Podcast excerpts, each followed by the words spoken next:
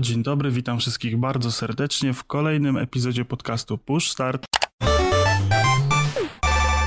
Ja jestem Dariusz Wadariowoźniak i standardowo jest ze mną Pimol. Cześć, cześć. I dzisiaj taki odcinek e, tematyczny związany z mitami wokół gier komputerowych. Dokładnie tak, porozmawiamy sobie o tym, co ludzie w dalszym ciągu w XXI wieku e, uważają o grach i co z nimi jest związane. Na początek może trochę newsów i pozwolę sobie dzisiaj ja zacząć e, od takiego, takiej informacji, że oczekiwane przeze mnie Wasteland 3 niestety nie zadebiutuje w terminie, czyli nie będzie to 19 maja. E, gra zaliczyła opóźnienie z powodu koronawirusa. Brian Fargo poinformował o tym, że ze względu na zmiany warunków pracy, czyli na home office, twórcy nie mogą dopracować produkcji i przygotować plików na czas, więc gra pojawi się dopiero 28 sierpnia 2020 roku.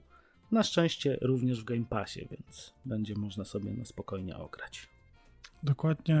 No ja mam nadzieję, że to w sumie grze wyjdzie na dobre i sprzedażowo, jak troszeczkę ten, ten okres taki wakacyjny będzie, właśnie sezon ogórkowy, jak to się mawia, to może by właśnie wtedy wstrzelić swoją grę, żeby trochę ludzi e, już znudzonych ogrywaniem jakichś po raz setnych tytułów, czy jakimiś mniejszymi premierami przyciągnąć do czegoś większego, więc liczę, że może to właśnie spowoduje, że studio troszeczkę jeszcze bardziej wypłynie na szerokie wody finansowo.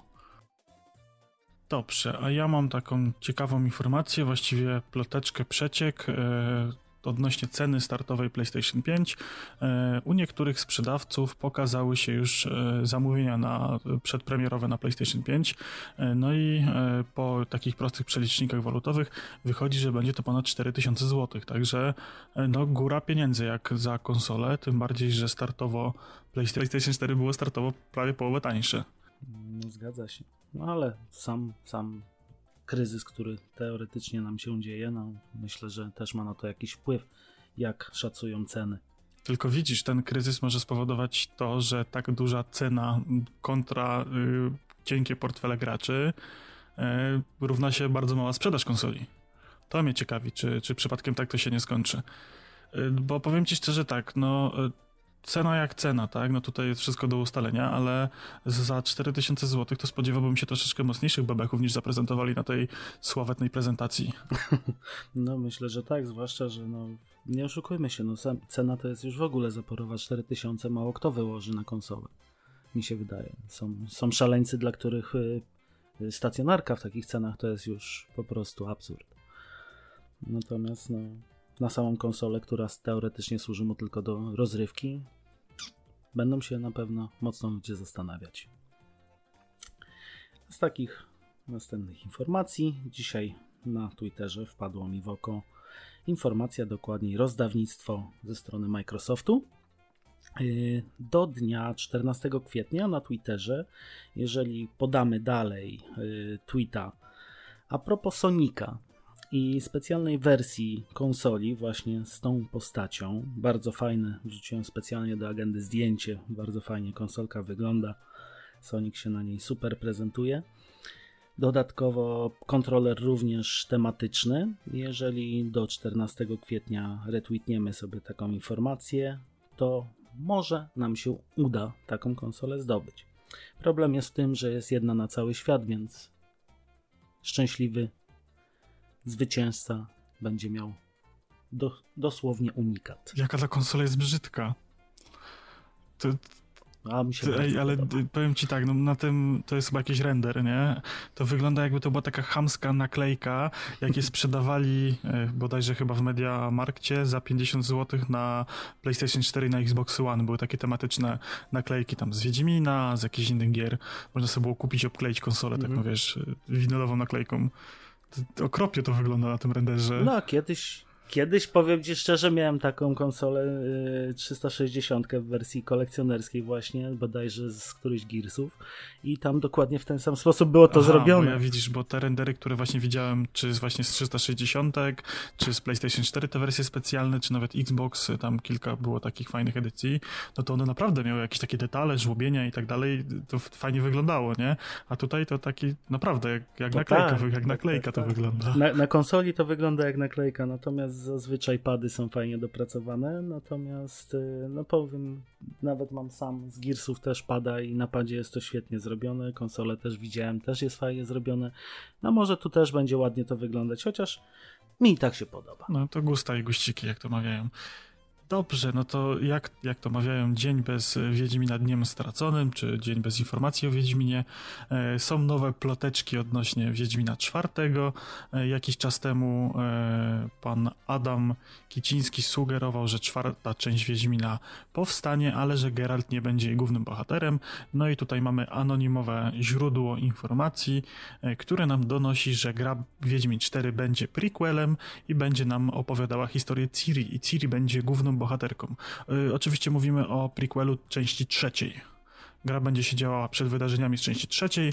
Yy, nie mamy żadnych informacji, czy to będzie yy, wcześniej jeszcze, czy, czy, czy może przed samą trójką. W każdym bądź razie poznamy właśnie historię Ciri i będziemy grali jako Ciri. Czy to okaże się prawdą? No to się myślę dowiemy po premierze Cyberpunka 2077. No myślę, że tak, nie wcześniej.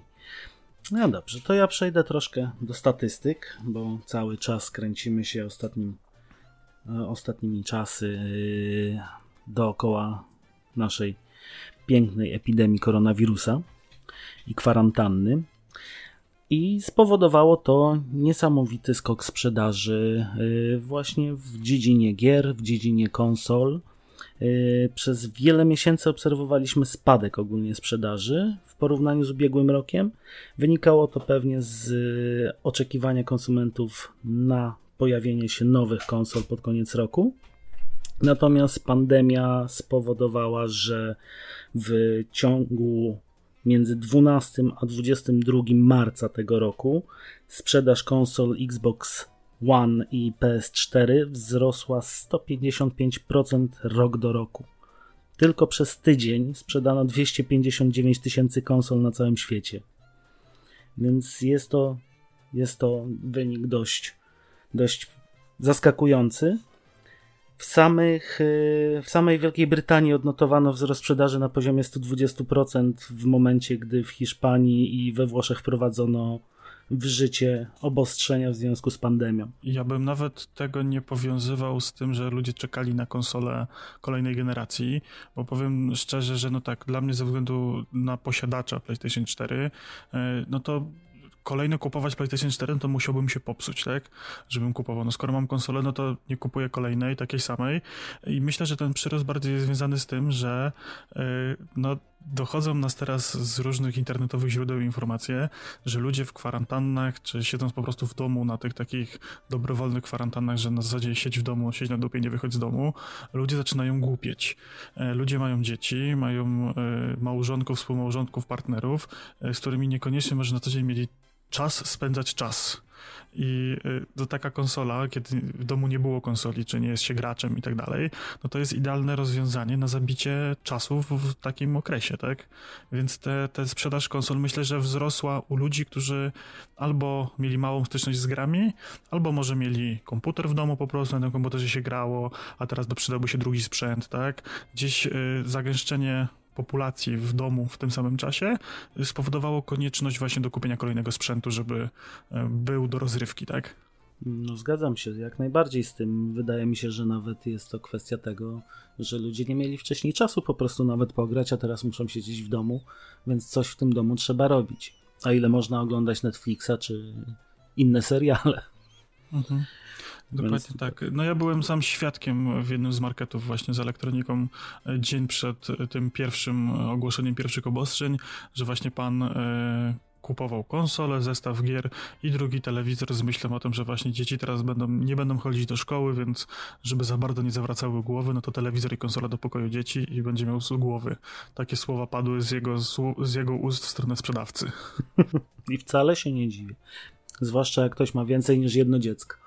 No to co, temat newsów mamy zamknięty. Przechodzimy zatem płynnie i zgrabnie do tematu odcinka, czyli mity na temat gier e, komputerowych, no tak się przyjęło w tym starszym pokoleniu nazywać to jako gry komputerowe, no w tym momencie no to już nie są tylko gry na komputer, tylko mamy konsole, urządzenia mobilne, handheldy, tablety, e, no i nawet na Netflixie można pograć, także że trochę, trochę się ta branża rozrosła, no i e, tak, moje zdanie jest takie, że no mamy ten rok 2020.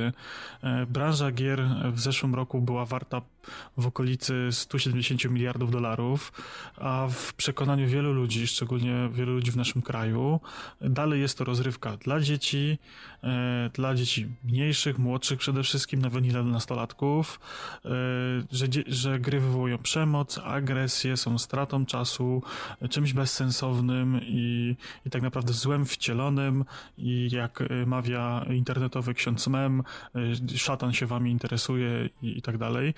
Tych mitów w takim społeczeństwie e, trochę mniej świadomym, trochę starszym narosło bardzo wiele. E, już pomijając jakieś tam e, historie o e, mordowaniu matek krzesłem, bo, bo tam wyłączyła Tibie, jak robił raid, czy wydał dziesiątki tysięcy złotych na karty w FIFA i tak dalej, które gdzieś tam przechodzą do mediów, no to jeszcze gdzieś tam jakąś pocztą pantoflową, czy po prostu takie gdzieś naleciałości z poprzednich lat zostały ludziom w głowach. No i postaramy się przytoczyć kilka takich najpopularniejszych znanych nam mitów i, i powiedzieć coś ciekawego nie tylko z naszego doświadczenia, ale też żeśmy troszeczkę pogrzebali w internecie, w jakichś różnych badaniach i myślę, że troszeczkę właśnie e, obalimy to. Roz, rozwijemy trochę tych mitów, mi się wydaje, natomiast e, tutaj e, po, sprawdziłem w międzyczasie jeszcze, że badania pokazują, że to nie jest tylko akurat pokolenie naszych rodziców, bo około 15% ludzi w naszym wieku uważa, że te mity są prawdą. Więc tutaj też są takie po prostu informacje dość zaskakujące dla mnie, bo myślę, że w obecnej chwili coraz więcej ludzi sięga po te gry i te mity jednak powinny gdzieś tam nam uciekać, no ale jednak, jednak nie jest tak do końca.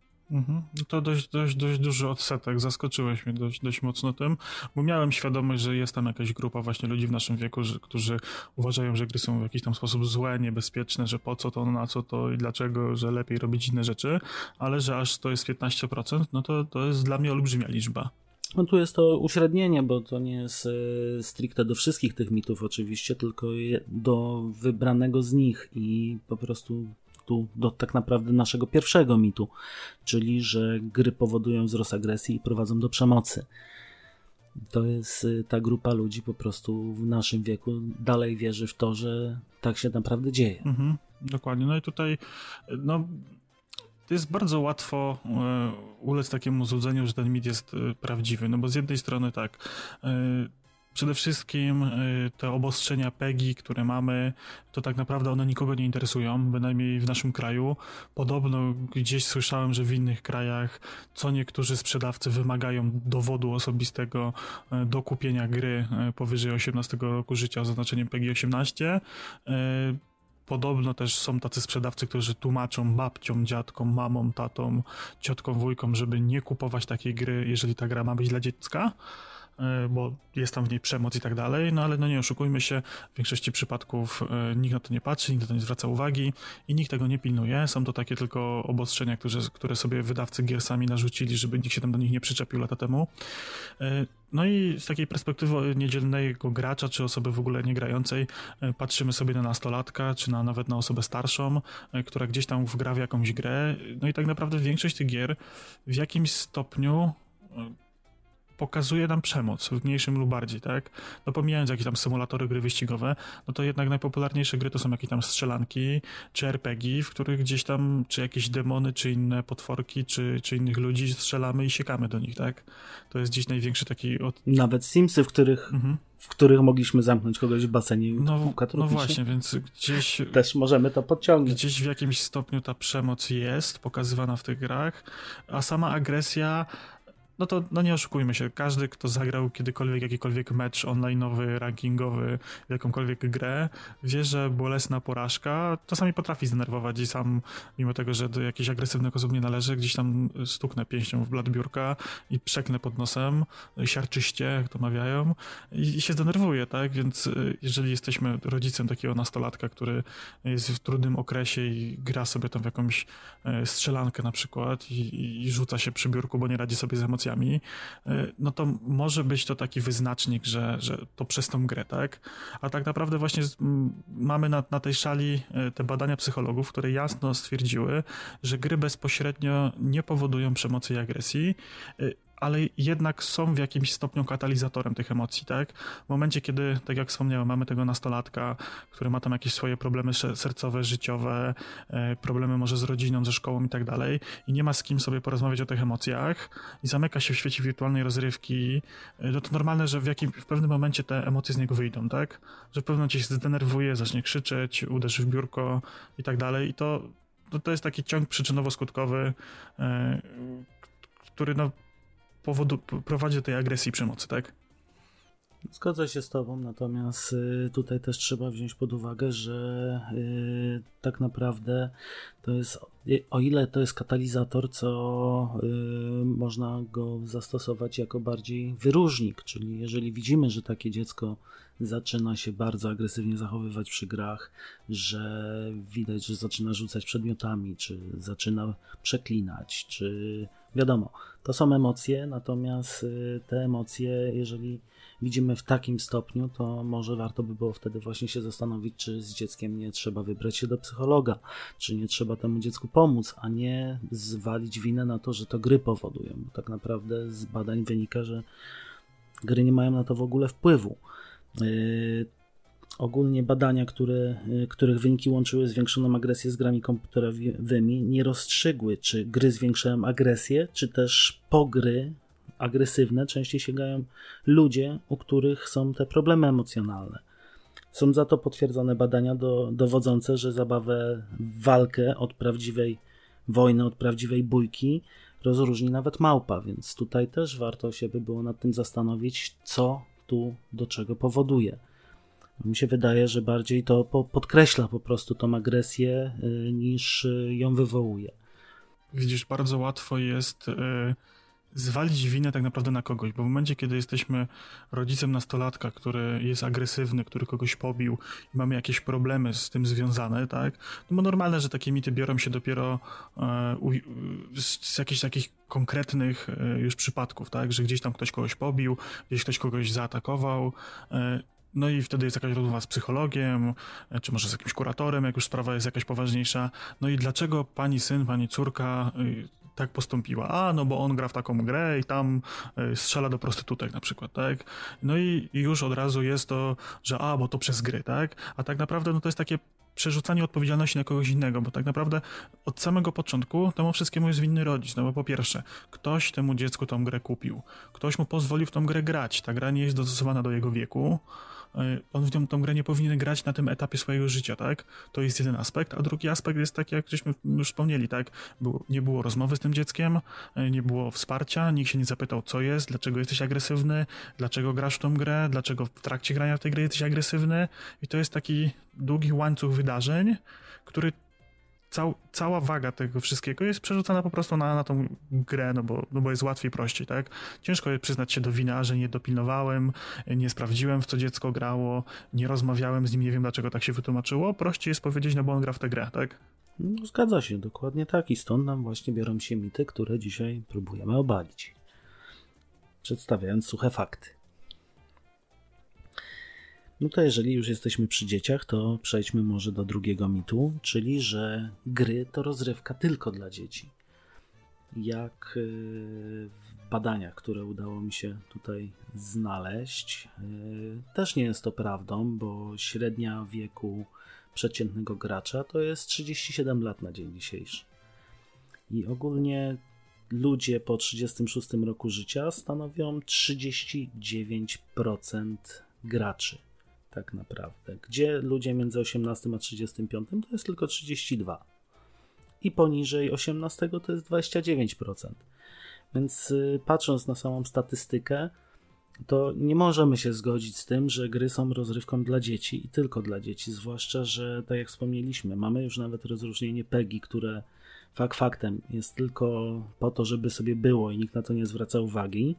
Natomiast y, myślę, że skomplikowanie gier, y, tematyka, tak jak dzisiaj wpadła mi y, w ręce zapowiedź gry Human Farm, która ma dość nietypową fabułę i zastosowanie, gdzie będziemy hodować sobie ludzi w klatkach jako świniak, to myślę, że y, takie gry naprawdę nie nadają się dla dzieci i nie są nawet przemyślane dla dzieci, więc tutaj uważanie, że gry są dla dzieci jest bardzo, bardzo błędne dla mnie. Zwłaszcza gry w pokroju, nie wiem, czy Grand Theft Auto, chociaż sam grałem w pierwszą część jako mały gnojek, który nie powinien jeszcze do komputera siadać, ale Y, ogólnie jest to gra na pewno nie dla dzieci, y, czy też inne tego typu produkcje. Ale są też gry, które skupiają się głównie na dzieciach, czyli na przykład mamy Minecrafta, mamy Fortnite'a, mamy y, kilka innych produkcji takich dla, nazwijmy to młodych, młodych gniewnych, bo to będzie wiek między 10 a 15 lat, tak załóżmy więc to są produkcje bardziej dla nich i tam też odnajdują się właśnie ludzie w wieku 35, 37, 40, 50 lat i też grają w te gry i to bardzo fajnie można zaobserwować nawet na Twitchu czy na Mixerze. Mhm. Widzisz, e, tutaj w przypadku tego konkretnego mitu uważam, że duże znaczenie ma e, sytuacja geopolityczna w naszym kraju e, w ciągu ostatnich tam 30 lat, e, z racji tego, że tak naprawdę e, no, pokolenie naszych rodziców, naszych dziadków nie miało tak łatwego dostępu do tego typu rozrywki. Ona jeszcze nie była wtedy modna, popularna, była trudno dostępna i tak naprawdę ci gracze, którzy wtedy grali, no to łatwo spojrzeć, że, że dalej w jakiś sposób grają. Jeżeli ktoś sobie te 30 lat temu był w stanie załatwić jakiegoś Atari, czy Commodore, czy, czy, czy komputer i wtedy grał, no to najprawdopodobniej prawdopodobnie teraz też gra. Ale tak naprawdę ten przełom lat 90., 2000, e, kiedy e, komputery, jakieś tam Pegasusy, inne konsolki tego typu e, stały się w Polsce bardzo popularne, no to głównie grały na nich e, dzieci, tak? Głównie kupowało się jako prezent dla dziecka, e, dla, dla wnuczka, dla, dla syna, dla córki i tak dalej. I dzieciaki grały na tych konsolach, tylko że teraz te dzieciaki już wyrosły, teraz te dzieciaki są dorosłymi ludźmi, którzy mają własne dzieci, dalej grają w te gry komputerowe i ten odsetek właśnie tych dorosłych ludzi stał się znacznie większy, tak? No i naturalne jest to, że jeżeli rodzic gra, no to ja widzę po mojej córce, że ona też, y, też ją ciągnie do grania, mimo tego, że tam ma 3 latka, no to tak jak już wielokrotnie wspomniałem, jakiś Mario Maker y, czy Mario Kart sobie y, tam ze mną ogrywa na kolanie i zawsze jest ciekawa w co gram. Nawet dzisiaj był stream z Gwinta i siedziała u mnie na kolanach i, i klikała po ekranie w karty. Było bardzo zaciekawione tym, co się dzieje. Więc to jest taka naturalna kolej rzeczy, że te dzieci też będą grały, ale ich odsetek będzie mniejszy, z racji tego, że to społeczeństwo nam się zestarzało. To społeczeństwo, które zaczynało granie w latach 90., tak jak wspomniałem, to są teraz już dorośli ludzie.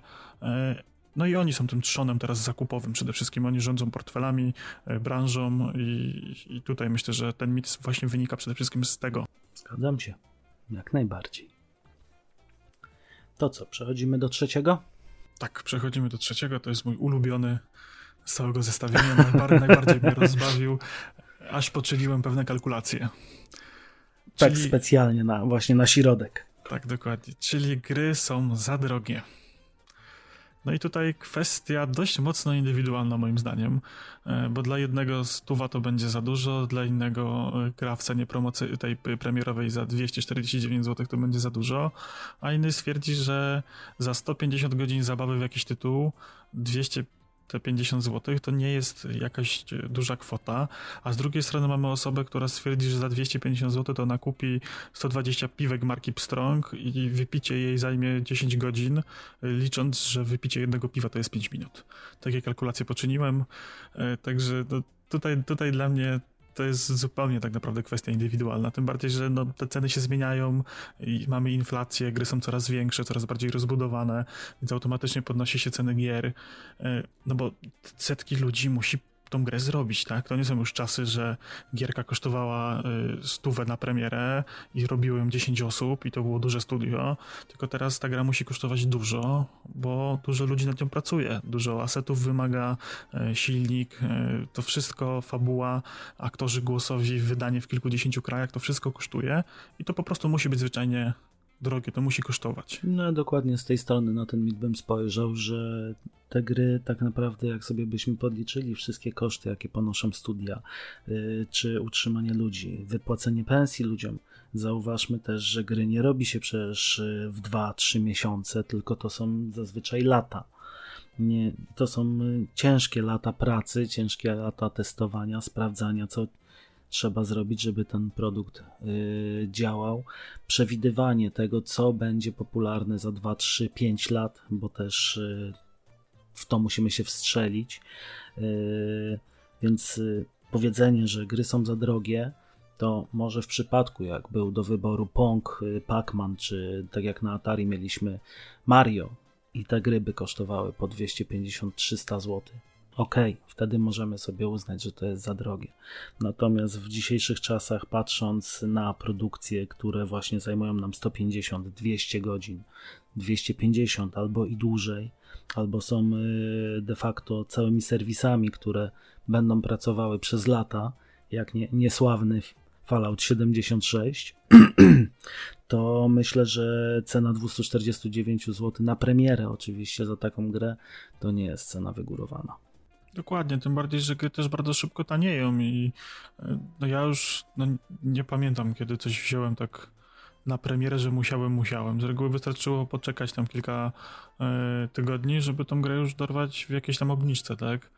No owszem, są jakieś tam tytuły, które nie tanieją, właśnie te, te tytuły usługi, e, czy tytuły z jakimiś bardzo rozbudowanymi multiplayerami, które cały czas gra dużo ludzi i cały czas tam się coś dzieje, gry są rozbudowane, to ta gra będzie kosztowała przez długi okres czasu pełną kwotę, ale tak naprawdę jeżeli zależy nam na ograniu jakiegoś single playera i nie zamierzamy się bawić w multi, albo gra zwyczajnie nie ma multi, to wystarczy poczekać 3-4 miesiące i już kupimy tą grę za 2 trzecie ceny startowej, a po jakimś pół roku to już jest połowa ceny praktycznie, tak?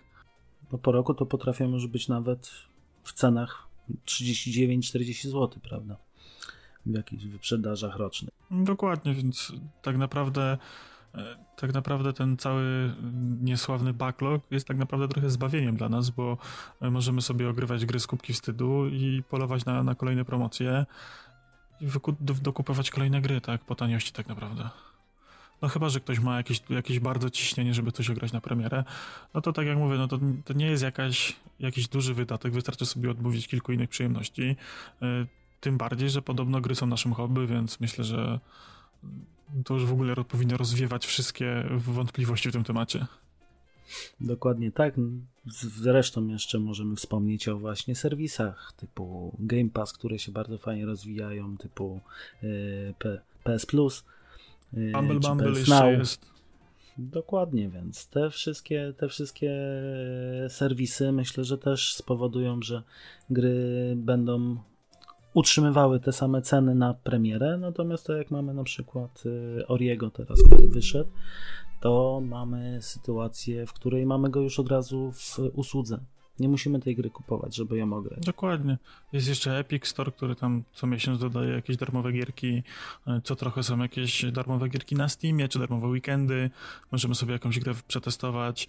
E, jest coraz więcej właśnie tych abonamentów, tak jak mówisz, mamy tego Uplay Plusa, który daje nam dostęp do, do biblioteki gier Ubisoftu i tak naprawdę możemy sobie zapłacić za miesiąc i ograć e, gry, które nas interesują, tak, nadrobić, czy jeżeli nie jesteśmy jakimiś takimi bardzo kolekcjonerami, no to, to myślę, że nie powinien być żaden problem. Myślę, że zwłaszcza w naszych czasach, w których teraz bardziej e, kupujemy wersje elektroniczne niż pudełkowe, to myślę, że jak najbardziej ma, ma to coraz większy sens. No dobrze, to teraz mój ulubiony mit z naszego zestawienia, czyli gry są stratą czasu. I tutaj e, śmiem się bardzo mocno nie zgodzić, zwłaszcza z tego względu, że jestem fanem symulatorów, tak jak wspomniałem już kiedyś. E, to chociażby zastosowanie symulatorów do nauki e, pilotażu, gdzie pilot nie musi wsiadać do samolotu w rzeczywistości, a może nauczyć się latać. gdzie przez długi czas były wykorzystywane po prostu troszkę mocniejsze wersje Flight Simulatora do tego. Oczywiście modyfikowane przez, przez firmy odpowiednio. E, dodatkowo też mamy takie zastosowania jak symulatory dla kierowców rajdowych, którzy po prostu na bazie gier komputerowych poznają trasy, po których będą się ścigać, co powoduje, że nie, nie muszą jeździć na tor i tam robić kółek, nie wiem, 30, 40, żeby zapamiętać trasę. Wystarczy, że usiądą sobie w biurze, zmniejsza się ślad węglowy, nie, nie palą tyle opon. Jest Zgadza trochę się. bardziej eko. No. Mniejsze, mniejsze koszty. Mhm. No to przede wszystkim, nie? Czy na przykład też widziałem y, na targach któregoś razu IT y, to może już nie gra, no nie nazwiemy tego grą, bardziej symulatorem. E, chirurdzy, którzy po prostu za pomocą joysticka na ekranie telewizorka widzą sobie po prostu tak jak mają e, laparoskop, który wchodzi do ludzkiego ciała i tam wykonują operacje tak naprawdę bezinwazyjnie, bo nie muszą nacinać połowy klatki piersiowej, żeby coś zrobić i na bazie e, właśnie padów do Xboxa było wykonane sterowanie tego urządzenia. Więc tutaj naprawdę no, myślę, że gry, gry prowadzą do rozwoju, a nie są żadną stratą czasu. Tutaj e, w porównaniu do telewizji, która daje nam tylko możliwość, e, nawet nie tyle możliwość, no bo książki dają nam możliwość wyobrażenia sobie świata, o którym czytamy a telewizja, telewizja nam tylko go pokazuje, możemy go przyswoić i tak naprawdę nie mamy żadnego wpływu na to, co się tam dzieje. Nie rozwijamy się. Ja uważam, że akurat telewizja to jest tylko i wyłącznie pożerać czasu właśnie. No dodatkowo jeszcze wracając do tematu właśnie e, nauki i szkoleń, no to ja uważam osobiście, jestem tego dobrym przykładem, że e, gry są dobrym nośnikiem nauki języka. Ja y, głównie języka angielskiego nauczyłem się z gier. Taki, jeżeli chodzi o takie posługiwanie się w mowie i, i, w słuchaniu, i w rozmowie po prostu z innymi ludźmi, no to większość słów, większość zwrotów, no to gdzieś y, mam głównie z gier. No normalne, że tam gdzieś jakąś gramatykę i pisanie, no to musimy się nauczyć tego w szkole, tego jakoś w żaden sposób nie przeskoczymy y, gdzieś tam język rosyjski też przy pomocy Counter-Strike'a podszlifowałem, podstawy miałem z liceum, a coś więcej po rosyjsku jestem w stanie e, pogadać dzięki właśnie graniu z Rosjanami w Counter-Strike'a. Więc w jakiś sposób też można się w ten sposób rozwinąć. No oczywiście są przypadki ludzi, którzy będą grali tylko i wyłącznie w polskie wersje językowe i nic z tego nie wyniosą i nie nauczą się języka w żaden sposób i, i w takim wypadku no to gra może być jakąś startą czasu, tak? Jeżeli w żaden sposób się nie chcemy rozwijać, e, no to każdy powód będzie dobry, żeby się nie rozwijać, tak? No ale też nie uznałbym tego za stratę czasu z tego względu, że yy, tak naprawdę wczuwasz się w tą rolę coś robisz. Y, nawet jeżeli nie, nie chcesz się de facto sam rozwijać jako rozwijać, to i tak y, twój refleks się polepsza. Y, masz lepszą kontrolę oko-ręka, więc to myślę, że i tak chcąc, nie chcąc i tak się w jakiś sposób rozwijamy. Nawet jakbyśmy nie chcieli. No tak, no plus to jest w jakiś sposób czysta roz, rozrywka, tak? No, odgrywamy jakichś bohaterów, przeżywamy jakieś przygody, e, odgrywamy jakieś konkretne role, czy, czy sami sobie tworzymy bohatera, którym zagramy i sami decydujemy, co on zrobi, jaki on będzie, tak? W jakiś sposób jest to najbardziej interaktywne medium rozrywkowe, jakie mamy, tak? Oglądanie telewizji y, jest najmniej interaktywnym. Tutaj patrzymy na wizję reżyserską, jak coś konkretnie wygląda, jak coś się dzieje i zachowuje, nie mamy na to żadnego wpływu. W książkach trochę bardziej tutaj wyobraźnia działa, możemy sobie wyobrażać bohaterów, sytuacje, w których się znajdują, otoczenia i tak dalej, e, ale też mamy jakąś konkretną przygodę przygotowaną, a w tym momencie większość gier to są gry sandboxy i w mniejszym lub większym stopniu mamy jakiś wpływ na tą historię, tak?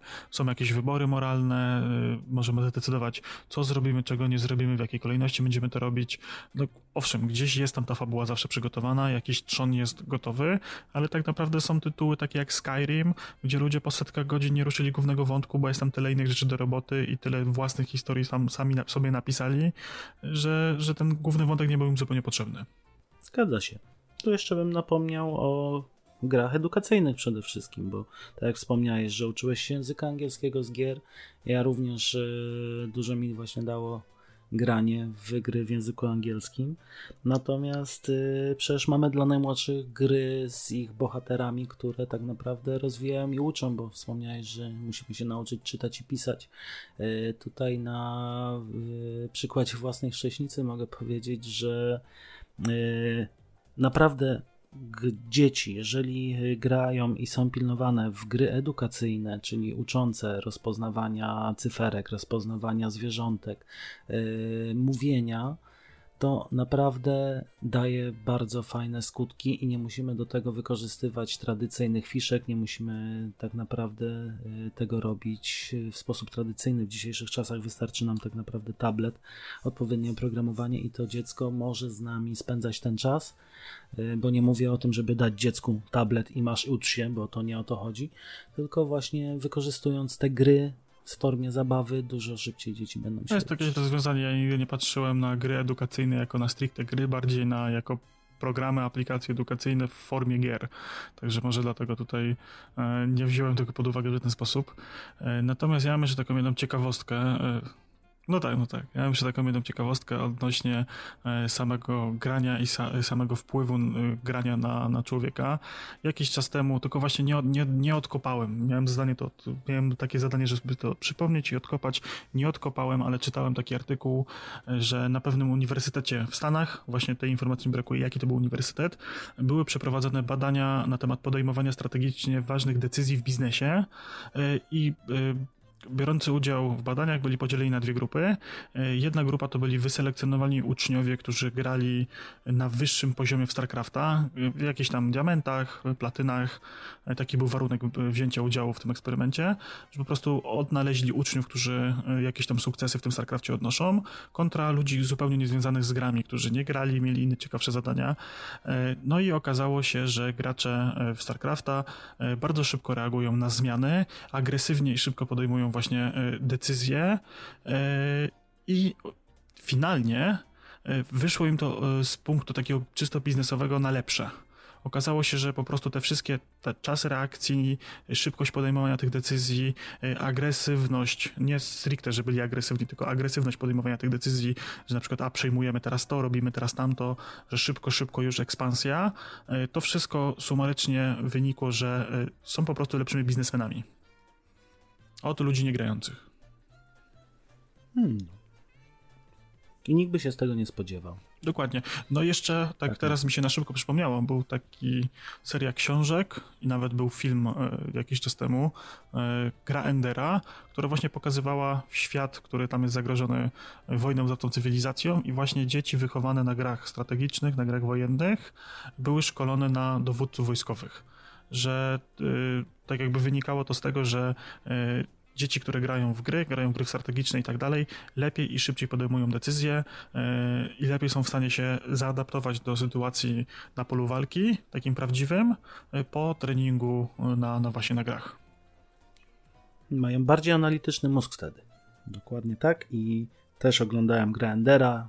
Jeżeli ktoś nie widział, to możemy polecić. Ja, ja nawet dawno, dawno temu czytałem całą tą serię książek i marzy mi się, żeby resztę tego zekranizowali kiedyś.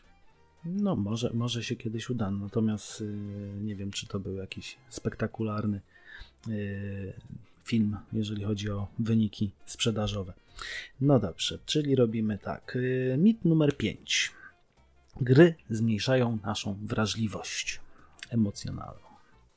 I tutaj y, na początku sięgniemy sobie właśnie do badań z Uniwersytetu w Helsinkach, gdzie została przebadana grupa osób przez testy psychologiczne i elektromiografię e, w czasie grania w grę James Bond 007 Nightfire.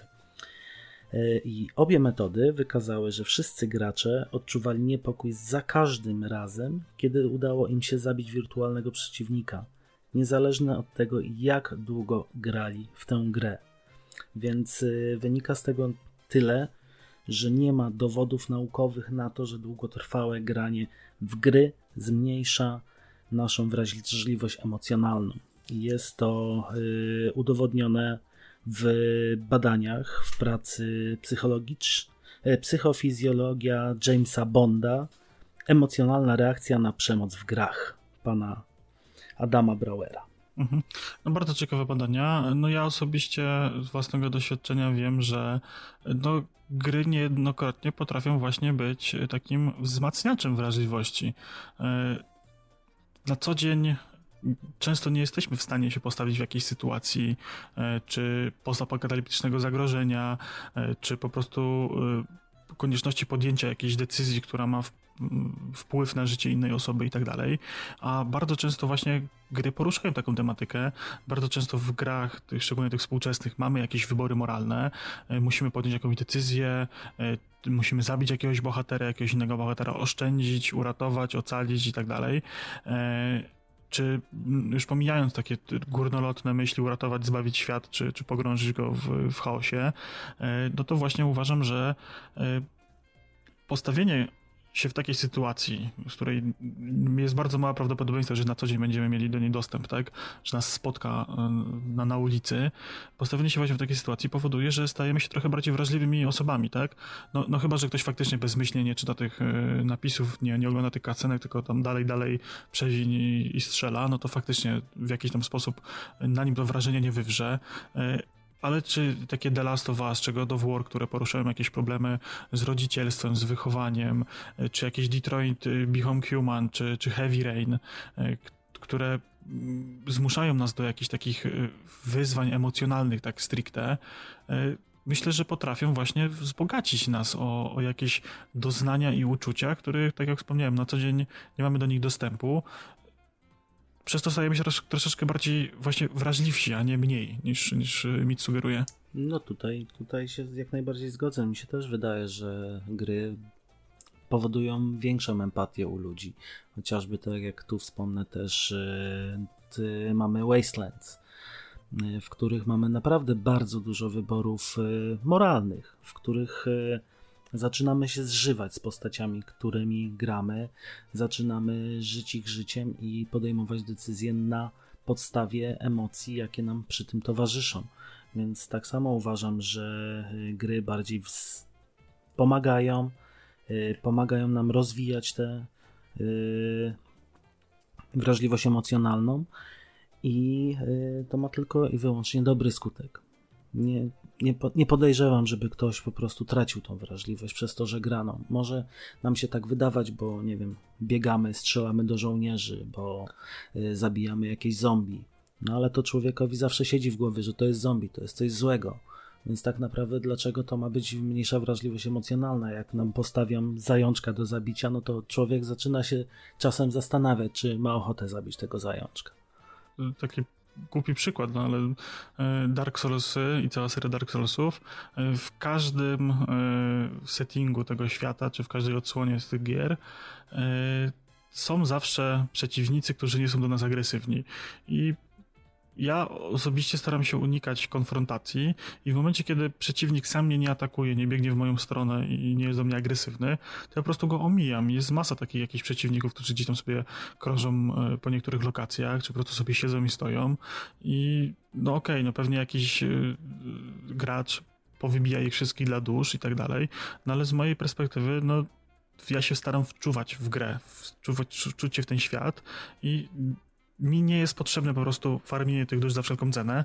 Mogę to zrobić na jakichś innych przeciwnikach, jeżeli potrzebuję polewelować, ale uważam, że moja postać nie powinna ich zabijać, no bo nie są agresywni, tak? Więc jest to w jakiś sposób forma empatii w takim świecie gry, no. no dokładnie tak.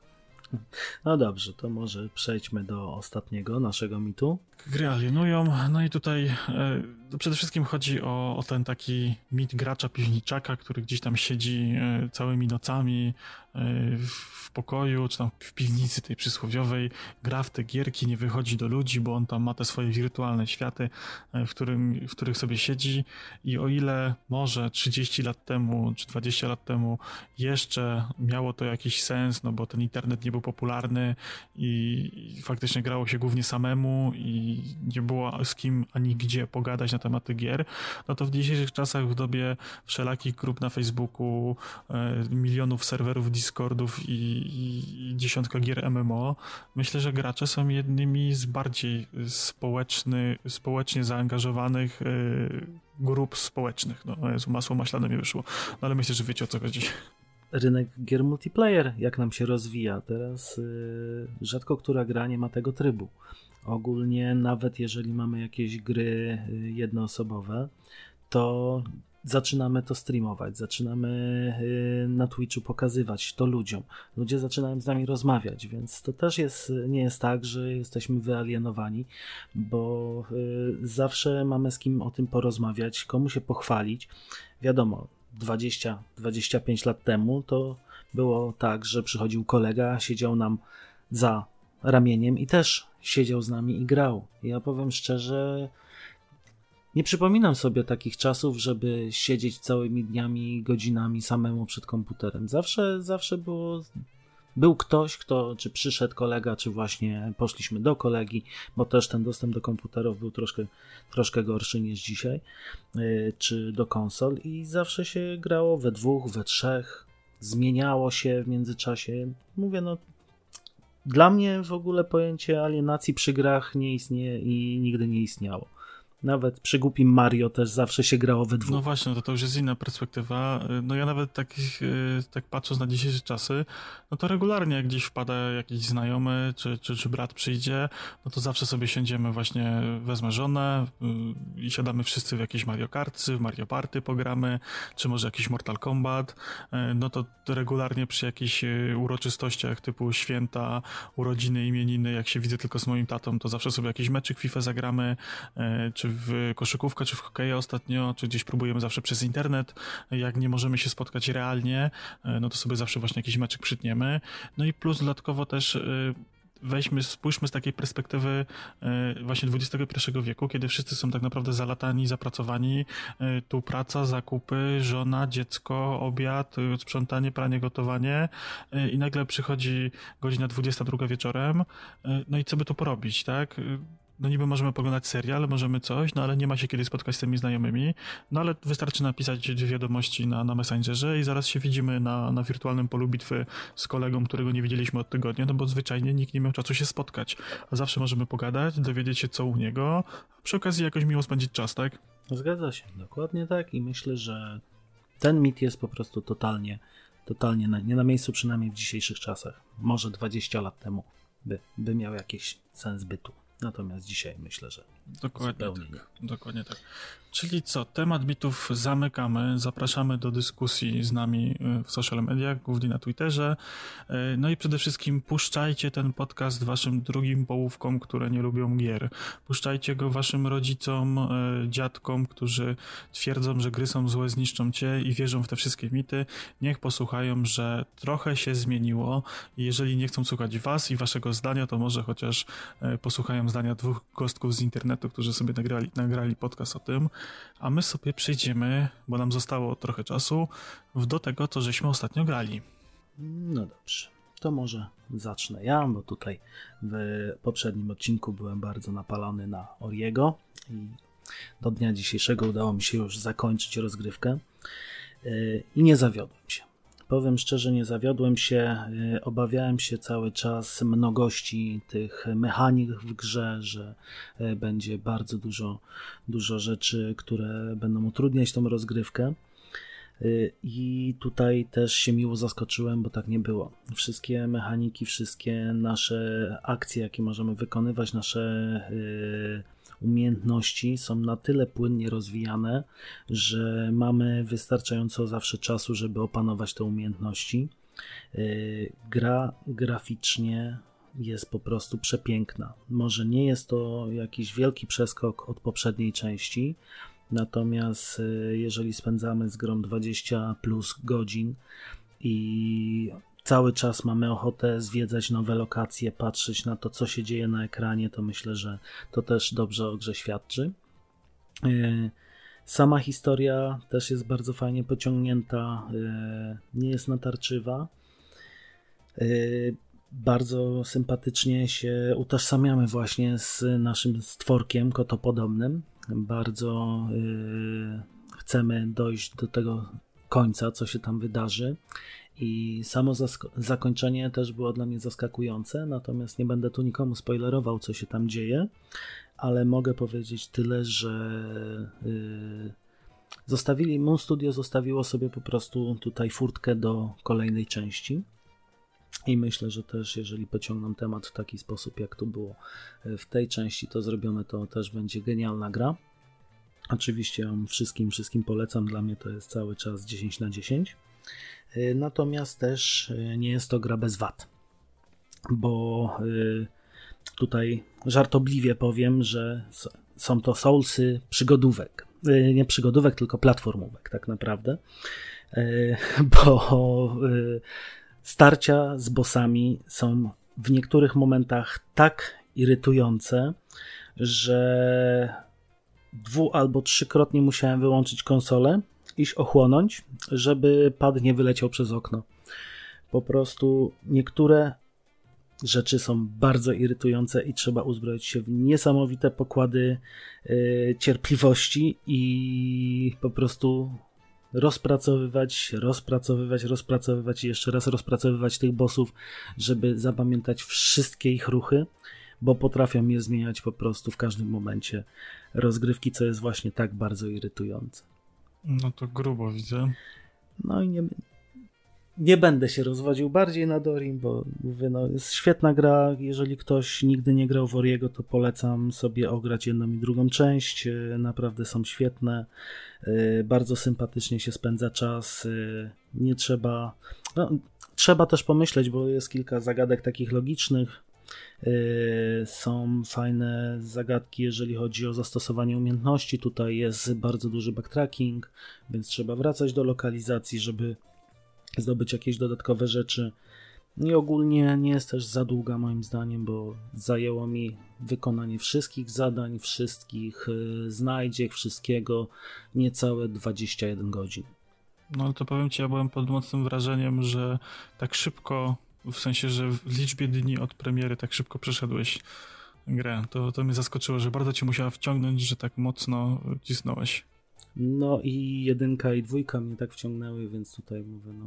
Historia jest naprawdę fabularnie bardzo fajnie pociągnięta i tu yy, jeżeli ograliśmy jedynkę i kontynuujemy tą historię, bo ja tak jak wspominałem kiedyś w niedalekiej przeszłości ogrywałem jedynkę, yy, więc jak zaczęliśmy w dwójce kontynuować tą historię, to naprawdę ona się fajnie, fajnie łączy i yy, myślę, że jest jak, jak dobry serial. No to fajnie, natomiast u mnie Natomiast u mnie było ostatnio grane w Luigi Mansions trójkę. W końcu się zabrałem za ogrywanie tej produkcji. No i kurczę, no ja jestem takim typowym targetem Nintendo. Mnie te wszystkie gry tak bawią, tak mi się podobają e, i wizualnie, i gameplayowo. Tam jest wszystko tak wymuskane, tak dopracowane, każdy detal, każda animacja. Tam jest wszystko tak pięknie dopieszczone. No i znowu zakochałem się w tej grze e, i powiem szczerze, że tak sobie odwlekam jej przechodzenie, e, bo słyszałem, że ona tak dość krótka jest i ja robię wszystko, żeby była jak najdłuższa. Badam sobie te lokacje tak po całości, zachwycam się tam wszystkimi detalami i tak dalej. E, no ja wcześniej nie miałem styczności z tą serią, jest to moja pierwsza pierwsza gra z tej serii, no i o co w niej chodzi? No całe ten grzybkowe królestwo e, z księżniczką i grzybkami i Marianem i Luigi jadą sobie na wakacje do, do kurortu. Okazuje się, że kurort jest nawiedzony i e, ten król duchów, ten booking Booking, jak to w ogóle zabrzmiało, jeżeli chodzi o hotel. No. Booking.com. Tak. Nie, tam jest Reklama. King, King Boo. King Boo on się chyba nazywa. E, zaplanował właśnie intrygę e, zamknięcia w obrazach naszych postaci. No i e, Luigi jako największy cykor spierdziela z miejsca akcji, dzięki czemu udaje mu się nie zostać zamkniętym w obrazie, no i musi teraz uratować swoich przyjaciół. No i tak jak wspomniałem, gra jest tak bardzo dopieszczona, pod względem tych wszystkich animacji. Tam chodzimy sobie z latarką odkurzaczem takim ghostbusterowym typowym e, i po tych takich mrocznych e, lokacjach każde piętro to jest tak jakby jeden, jeden, jedna lokacja. Zwiedzamy sobie te pokoje, one tam mają różną tematykę. Tam jest dużo znajdziek, sekretów, tajemnych przejść, dużo fajnych mechanik tam w postaci Guigiego, który może przechodzić przez kraty, ale go rozpuszcza woda i takie tam różne inne atrakcje. I to wszystko musimy sobie fajnie zgrywać ze sobą i właśnie tam jest tak animacyjnie to bardzo fajnie dopieszczone. Ten Luigi naprawdę się boi, on chodzi po malutku, trzęsą mu się kolana, jak tam gdzieś nam się jakiś pająk przebiegnie, czy nam się coś y, zawali, jakaś sterta papierów, czy jakiś wózek się poruszy, to ten Luigi od razu podskakuje, boi się, krzyczy, piszczy. To wszystko jest tak pięknie e, e, animacyjnie dograne. Dodatkowo dochodzi rewelacyjna fizyka gry. Ten mamy ten odkurzacz, który się lub pcha i jesteśmy w praktycznie całą lokację w stanie poruszyć, wessać, wciągnąć, zniszczyć, rozwalić i to jest coś niesamowitego i powiem szczerze, że tak jak mówię, tak, tak się zakochałem w tej grze, tak mi się ona podoba, że mam na liczniku 6 godzin, a przeszedłem dopiero chyba trzecie piętro, tam chyba z 14 albo 12 dostępnych.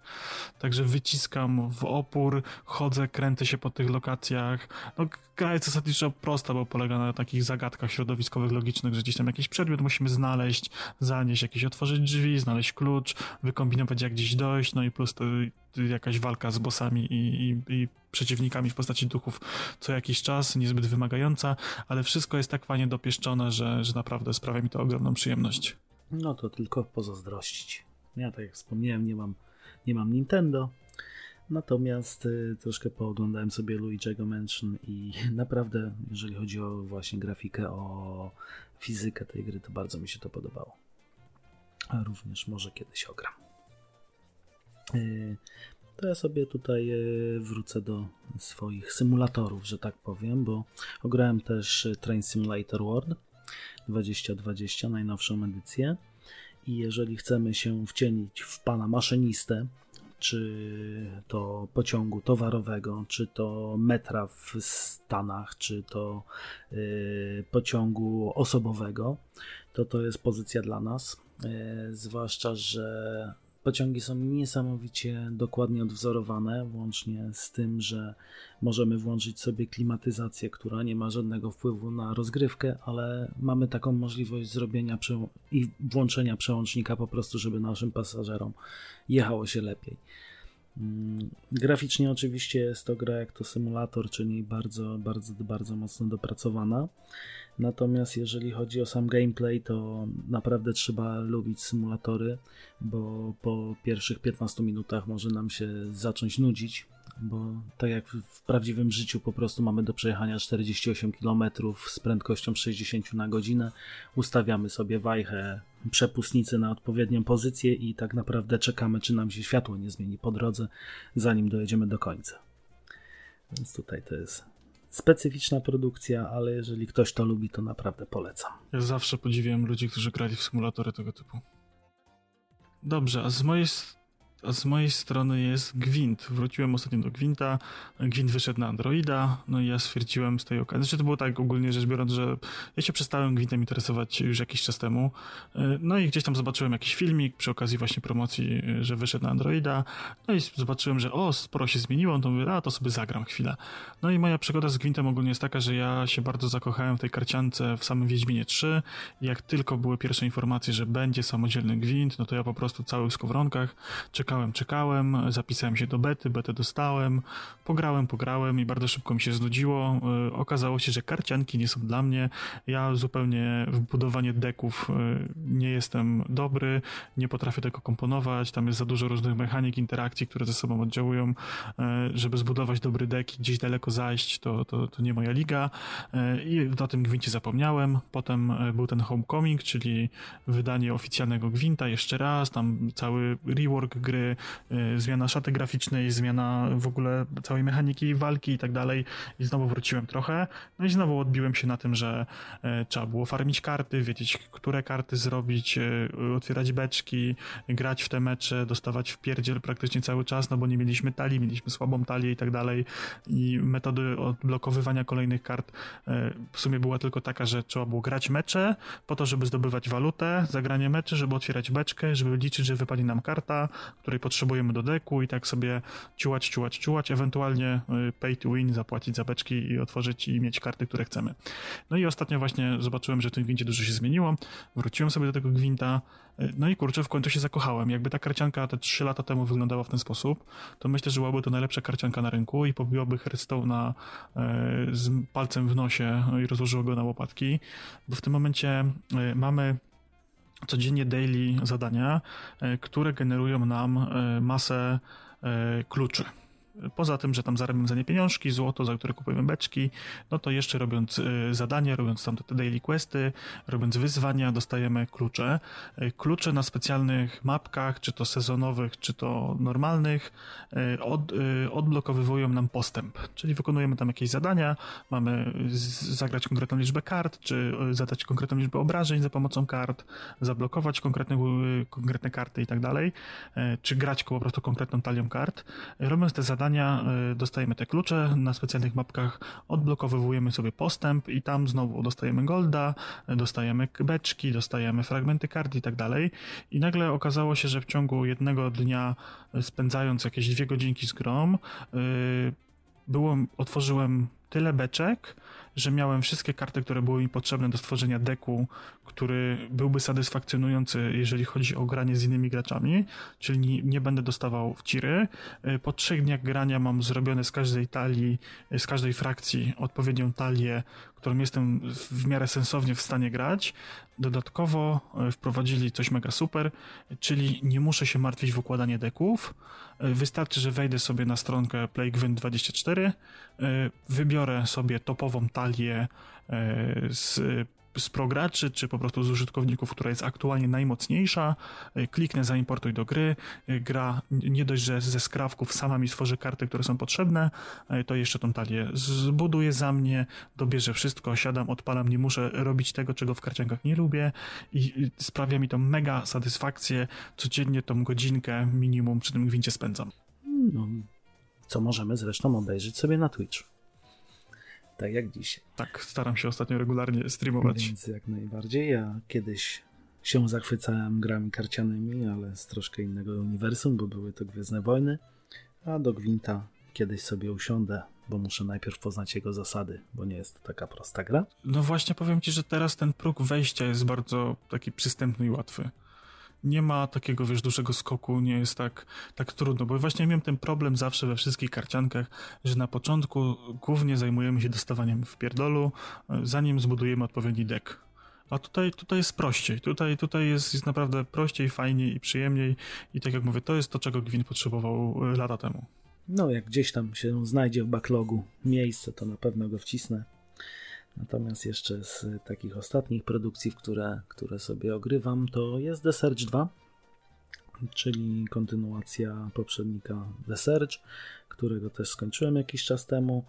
Y, tu za wiele nie będę opowiadał, bo to jest jak większość Souls-like'ów, mamy po prostu yy, idziemy, siepiemy, wracamy, rozwijamy się, znowu siepiemy, idziemy dalej. Tutaj historia nie jest jakoś yy, czy to prze, prze, przesunięta, jeżeli chodzi o kontynuację poprzedniej historii, więc tutaj po prostu jest to sama gra w w nowej produkcji jeszcze nie, nie, nie ograłem do końca, bo mam dopiero ograne 12 godzin. Myślę, że troszkę więcej poopowiadam, jak już zakończę. Natomiast nie jest to jakiś tam mesjasz gamingu, jeżeli chodzi o. Jest to bardziej zapychać czasu. Ja się muszę zabrać za jedynkę i za dwójkę, bo setting mnie bardzo interesuje. Ja się boję tylko tej klątwy y, gier Souls-like'owych, nie od From Software to, to mnie zawsze tak odpycha od tych gier wszystkich, że to jednak nie będzie tak dopracowane jak wszystkie Soulsy, Bloodborne i Sekiro, tylko to jest właśnie jakieś takie coś, co próbuje być, a jednak brakuje mu tego czegoś, dlatego zawsze tak się y, zwlekam jak mogę, a jedynka była w plusie, y, dwójka teraz jest w dobrych pieniążkach, także no może kiedyś się za to wezmę. No polecam sobie spróbować, natomiast na pewno nie spodziewałem się tego, co przy y, Bloodborne czy przy Sekiro. No nie, nie jest to tego pokroju gra na pewno. Przynajmniej nie tego kalibru. No to co, będziemy kończyć w takim razie. Także jeszcze garść ogłoszeń parafialnych na sam koniec z mojej strony, za czym się pożegnamy. E, tak jak już było wspomniane, ja ostatnimi czasy e, staram się streamować. Te streamy tak co drugi dzień mniej więcej są. E, no staram się, żeby to były godziny wieczorne, chociaż dzisiaj na przykład z rana był niespodziewany live'ik właśnie z Gwinta, więc followować mnie na, twi- na, Boże, na Twitterze też. Na Twitchu, na Twitterze i na Twitchu jestem pod małpką Waderio przez dwa na końcu. Także zapraszam tutaj i tutaj i wpadajcie na naszego Discorda z podcastem giereczkowym. Wspaniała, super społeczność, naprawdę dowiecie się tam wielu ciekawych rzeczy. Właśnie gadamy tam głównie o gierkach, o tym co graliśmy, no i plus wiele ciekawych życiowych porad tam na pewno też doznacie jak przeżyć kwarantannę i co, co robić, żeby dotrwać dnia następnego. Yy, mnie znajdziecie również na Twitchu i na Twitterze, chociaż nie jestem tak regularny w, w Twitchu jak Waderio. Yy, oczywiście pod małpką Pimol87 w jednym i drugim przypadku. Yy, ostatnio graliśmy sobie Woriego, niedługo może będę to kontynuował, jak mi starczy czasu. A tak myślę, że będziemy się po prostu żegnać. Tak, jeszcze jedna ważna kwestia mam zapisane w agendzie, bo zapominam. Chciałbym Was, moi drodzy słuchacze, poinformować, że od jakichś dwóch miesięcy, jak nie więcej, e, w opisie podcastu jest link do, do PayPala. Można nam rzucić e, symbolicznego euroska e, już nawet nie na samo piwko i na zwilżenie gardła w trakcie nagrania, co na to, że y, konkretnie zbieramy na kolejny próg y, na naszej stronce, której uploadujemy podcasty, żeby podcasty były raz w tygodniu po godzince. Także jeżeli ktoś ma jakiś zbędny hajsik, to przyjmujemy i będzie to skutkowało po prostu tym, że będzie więcej podcastu. Będzie, będzie nas częściej po prostu słychać. Dokładnie tak. Także co, no to trzymajcie się, do zobaczenia, do usłyszenia, papa. Do usłyszenia, cześć. Game over.